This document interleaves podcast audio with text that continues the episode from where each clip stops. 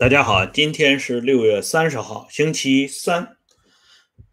六月份眼看要过去了啊，我们的党史杂谈现在开始。今天呢，我们来继续关注一下毛泽东与他的机要员谢静怡他们之间的这么一个重要的关系啊。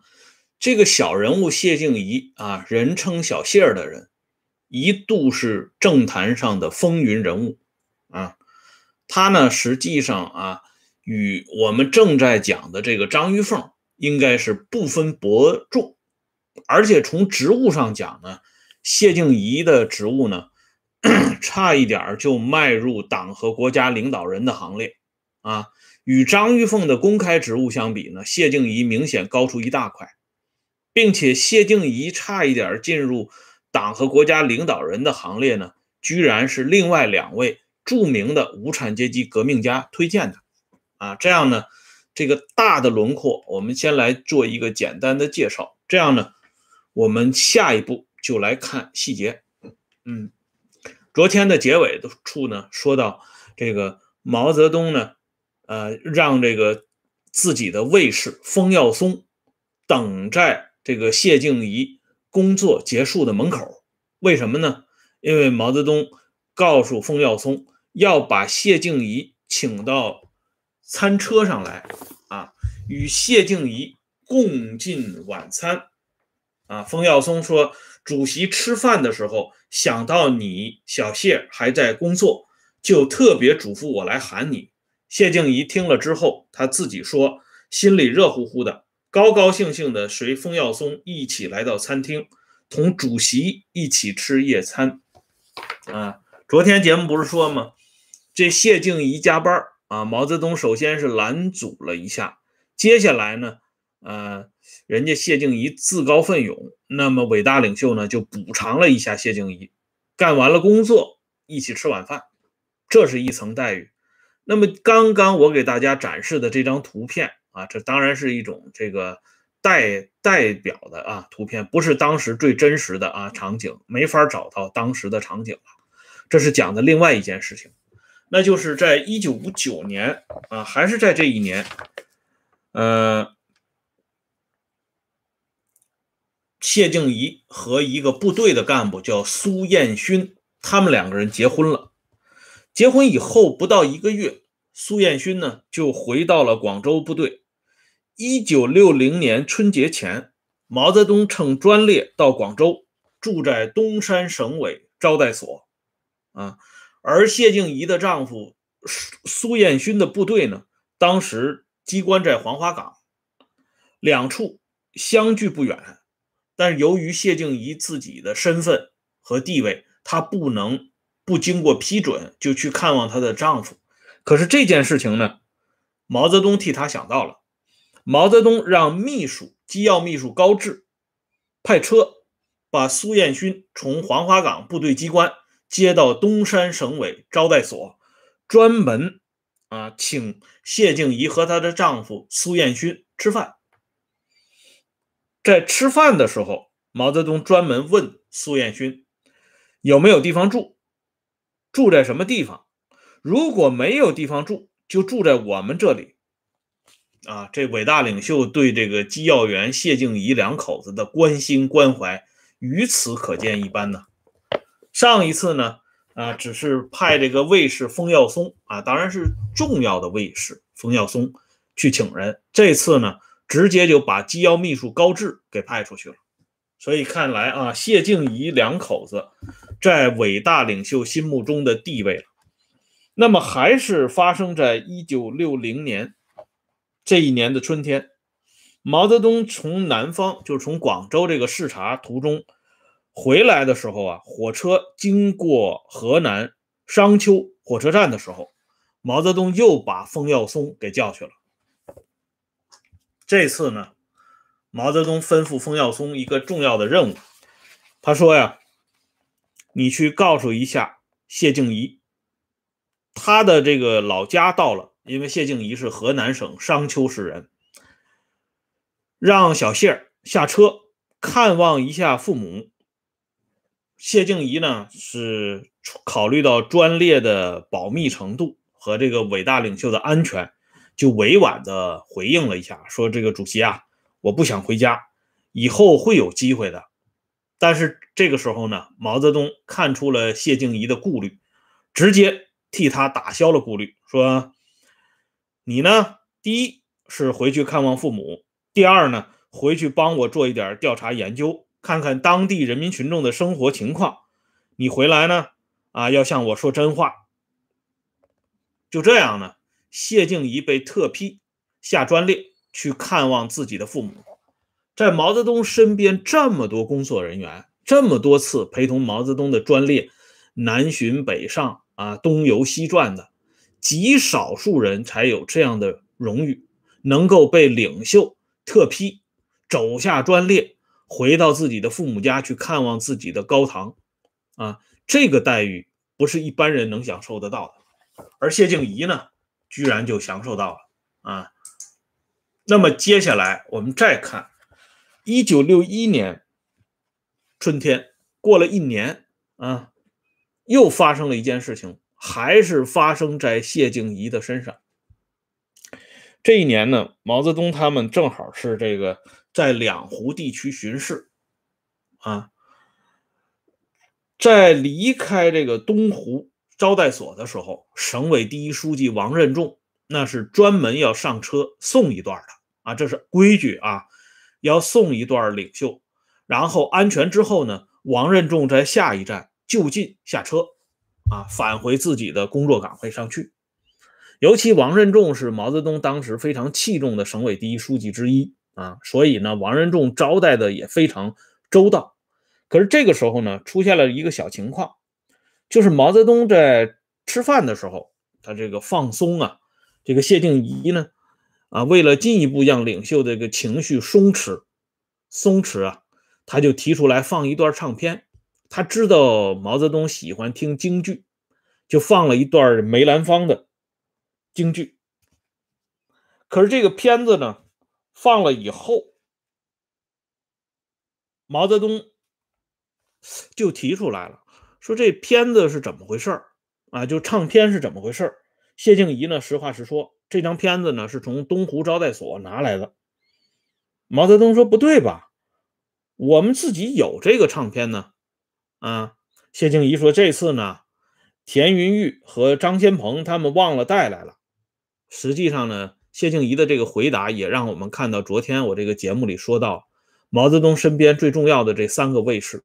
田云玉、张先鹏和封耀松啊，这个田云玉和张先鹏是专门负责伟大领袖这娱乐方面的，所以这个唱片呢，居然没拿到。那这个时候呢，谢静怡就说：“由于他们忘了，我呢就从这个东湖招待所借了这么一张唱片。”毛泽东一听就不干了，说：“马上把汪东兴同志找来。”谢静怡一看毛泽东重视这件事情，就赶紧检讨。说这个事儿呢，不怪汪主任，是我们自己想听，所以先借用一下，是我错了。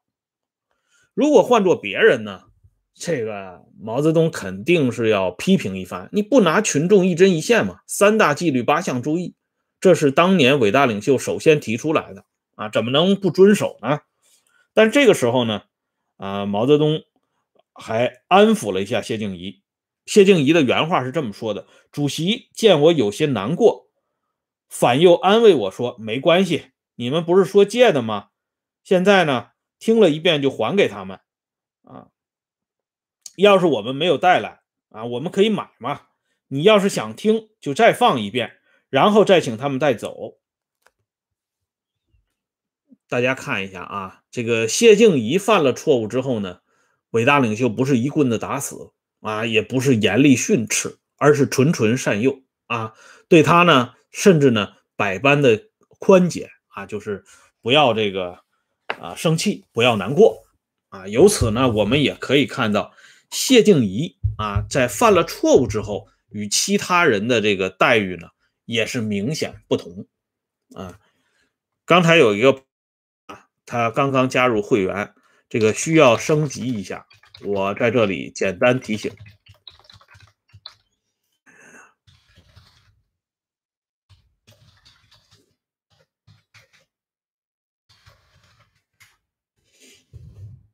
那么接下来我们再来看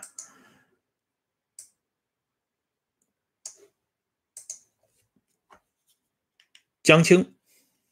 我们都知道啊，江青是毛泽东身边非常重要的一个关键性的人物啊。他在文化大革命当中的威风，那就不用说了啊，很多回忆录啊啊文章啊都讲到。这个文革的老板娘的厉害之处啊，这里呢，我们简单说一个例子啊，就是江青发了脾气之后，他从毛泽东那里出来以后，他会直接一个电话把周恩来叫到跟前，然后告诉周恩来马上开政治局会议。啊，周恩来呢就立刻向汪东兴他们打招呼，说赶紧通知啊，政治局委员。有多少来多少，马上到位。就是江青有这样大的力度，可是有这么大力度的江青，在包括谢静怡在内的这些小人物面前却黯然失色。这里边呢有一个重要人物的回忆，这个人呢是被邓大姐发现和挖掘出来，后来呢担任了中央纪律检查委员会委员。这个人的名字叫汪文峰。他本人呢，参与了当初上个世纪八十年代审理林彪、江青两案，啊，所以他作为一个重要的当事人，他的回忆呢显得很有意思。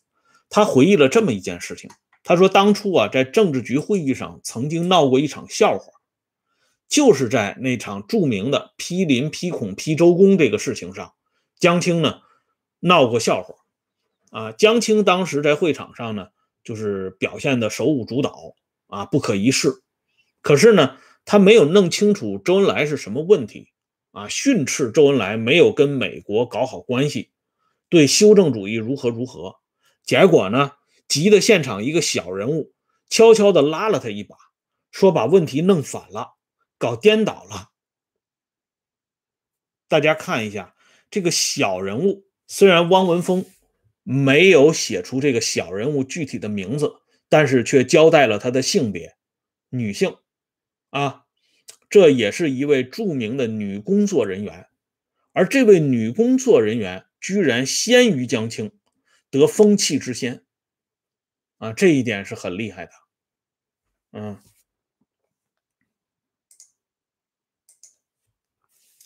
而具体到谢静怡本人。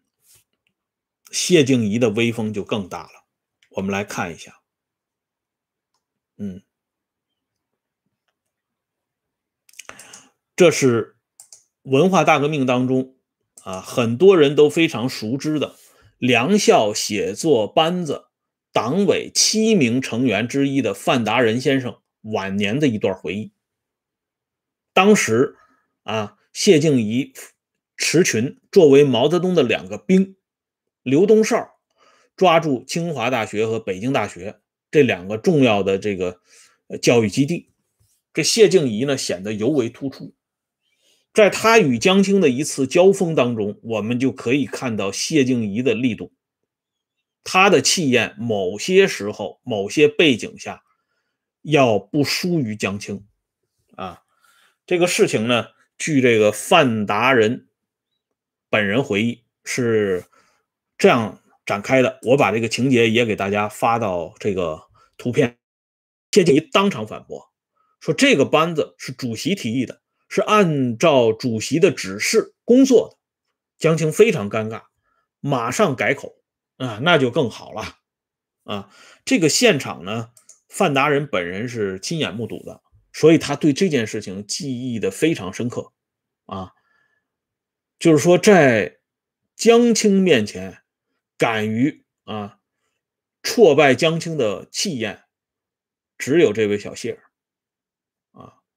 而且呢，江青那么嚣张的一个人，面对谢静怡的反驳，居然不敢表现出任何的抗击，嗯，只能赶紧改口啊！大家可以想一下，这个谢静怡的威风该有多大？那么接下来啊。我们再来看一件事情，这就是后来党史教科书当中反复提到的啊，这个说是在四届人大这件事情上啊，著名的王洪文、江青到长沙告状啊，这些事情，党史教科书上不厌其烦的讲过，说江青要阻隔，有野心，当后台老板。当然了，毛泽东呢也说过类似的话，而他的所谓要阻隔当后台老板的具体的表现形式之一，就是提名谢静怡担任全国人大常委会副委员长，进入党和国家领导人的行列。虽然呢，那个时候全国人大常委会跟今天完全不能比啊，也就是个排位啊，可是毕竟这个副委员长的一个级别在那里。谢静怡这么一个普通的机要员，一步登天，进入到与董必武、康生这样元老级人物啊相同的位置上，本身就是非常惊人了。但实际上，历史上真实的啊一面呢，却告诉我们，提名谢静怡进入党和国家领导人行列的，不是江青本人，而是另有其人。这里边呢，我们看一下相关人物的回忆。早在一九七三年的时候，在酝酿北京市委，就是因为当时呢谢富治啊嗝屁了，吴德呢接手北京市委和北京市革命委员会，所以呢北京市的干部的酝酿工作是由周恩来直接来抓的，这是非常重要的。而这个时候呢，周恩来跟吴德交代。说北京市委书记啊，当时市委呢设有第一书记啊，就是北京市委书记呢要提一个人，就是谢静怡，让谢静怡当这个北京市委书记。理由很简单啊，因为这个要通过他向主席反映情况，哎，然后呢传达主席的指示。于此可见啊，周恩来。这个级别的人物是非常清楚谢静怡是一个什么样的概念的。哎，周恩来发出这样的这个指示呢，一点都不奇怪。而后呢，我们看到的是这个经周恩来提名成为北京市委书记的谢静怡啊，进一步升格了。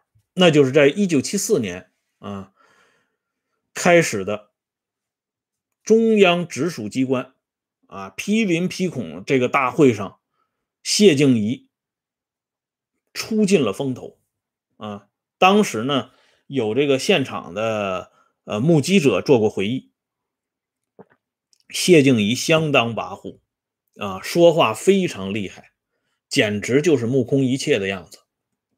别说那些政治局委员不在他眼中，即使是周恩来也不在他眼中，啊，上蹿下跳，非常厉害。但是对于这样一个人物，啊，到了一九七四年下半年，在酝酿四届人大这个人选的时候，周恩来做出了一个出人意表的决定，啊，这也是吴德回忆的。要知道啊。批林、批孔、批周公，核心就是批周恩来。这是上个世纪七十年代中期批周的第一场戏，一场大戏，开开场锣啊！这谢静怡呢敲得非常漂亮，可是周恩来啊却不念旧恶，不计前嫌。在吴德的回忆录里边提到了这么一件事情，就是总理提出来谢静怡担任副委员长。这个如果不是吴德回忆，我们几乎是不敢相信这是真的啊。吴德说，当时周恩来找吴德征求意见的时候，吴德也表示同意，并且呢，吴德提到了一点：谢静怡是主席指定任北京市委书记的。换句话说，前面周恩来提出由谢静怡担任北京市委书记，无非是秉承了或者是摸到了。领袖的意图而已。那么由此，我们也可以想到，谢静怡被周恩来提出来担任全国人大常委会副委员长，这个动机、动议的最初原因来自于哪里？啊，为什么要找吴德商量呢？因为当时啊，考虑到啊，这个人大这块呢，都是一些老同志，人大这个工作呢抓不起来。王洪文呢，本人在中央和中央军委又都有重要的兼职，他也过不到人大这边。于是呢，就让新当选的中央政治局委员吴德，以北京市委的第一把手的身份监管人大。吴德呢，实际上是人大真正的当家人。别看委员长是朱德啊，副委员长又是康老又是董老，但实际上在人大这块，只有吴德说了算。所以周恩来找吴德商量谢静怡的出处。由此呢，我们就可以看到这个谢静怡是一个什么样的概念。而那个时候，大家知道吗？那是毛泽东啊。提议周恩来的夫人邓颖超，咱们的邓大姐担任全国人大常委会副委员长的。可是，呃，邓大姐也好，周恩来也罢，始终拒绝啊担任这个职务。当然，人不是直接拒绝了，他肯定是用各种各样的理由推辞了这个职务，而把这个职务呢留给了谢静怡小谢。至于后来呢？应该是最高当局权衡各方面的利益利弊，最终呢，把谢静怡呢还是从这个副委员长的备选名单当中拿下来了，只安排了他做全国人大常委会委员。哎，但实际上谢静怡的本事要比一般意义上的副委员长大得多，因为接下来的事情就惊动了叶帅。这批林批孔批周公批着批着，就批到了叶剑英他们的头上。因为什么呢？因为批走后门啊。当时这个走后门是什么概念呢？就是一些高级干部、高高级领导人啊，利用自己旧有的关系和根基，把自己的子女呢塞进军队参军。因为当时呢。祖国山河一片红的时候，军人的地位是非常之高的，而且军队呢是一个保险箱。去了部队以后呢，方方面面都会比较平顺，所以这些高干呢和领导人们把自己的子女呢都送到部队去参军走后门，成为当时的一个重要的风气。而江青他们呢就抓住这件事情做文章，走后门搞不正之风，这是必须要批判的。可是这件事情让已经深陷绝境的周恩来一下子看到了一丝曙光啊！周这个人最大的厉害就在这里啊！为什么伟大领袖说他能够跪着造反，跪着都能造反？想想这个人的力度了。所以呢，周恩来自己不出面，而由叶剑英出面，把这走后门的事情给捅了出来。啊，叶剑英呢，在一九七四年一月三十号写信给毛泽东。叶帅的这封信写的也是非常有力度，应该说也是深得总理的三慰。啊，上来就检讨，把自己呢臭骂一顿，说自己啊在批林批孔运动中啊。有这些错误，终于意识到了，所以呢，他愿意接受江青同志在批林批孔运动中的帮助啊，检讨在领导干部子女走后门入学当兵这个问题上的错误。写好以后呢，派自己最亲信的警卫参谋马锡金啊，小名叫马头，把这信直接送给毛身边当时最亲信的一个警卫参谋，叫李连庆。这封信呢，自然就送到了毛的手中，中间没有经过任何啊不必要的程序，这样呢，就保证这封信原汁原味的送到伟大领袖的手中。领袖收到这封信之后，领袖比叶帅还着急，领袖自己坐不住了啊！毛泽东做了什么样的回应呢？咱们留待明天。接着说。感谢朋友们上来收看和收听，欢迎大家关注温相说时政会员频道。刚才有个朋友啊问这个升级的事情啊，我因为刚才正在讲，没法打断啊，这这个时候呢，我就可以回应一下。你自己呢在电脑上啊直直接操作，这是很多这个会员朋友们提供的经验啊，我把链接呢也发给你一下。好了，今天呢说到这里。明天接着聊，再见。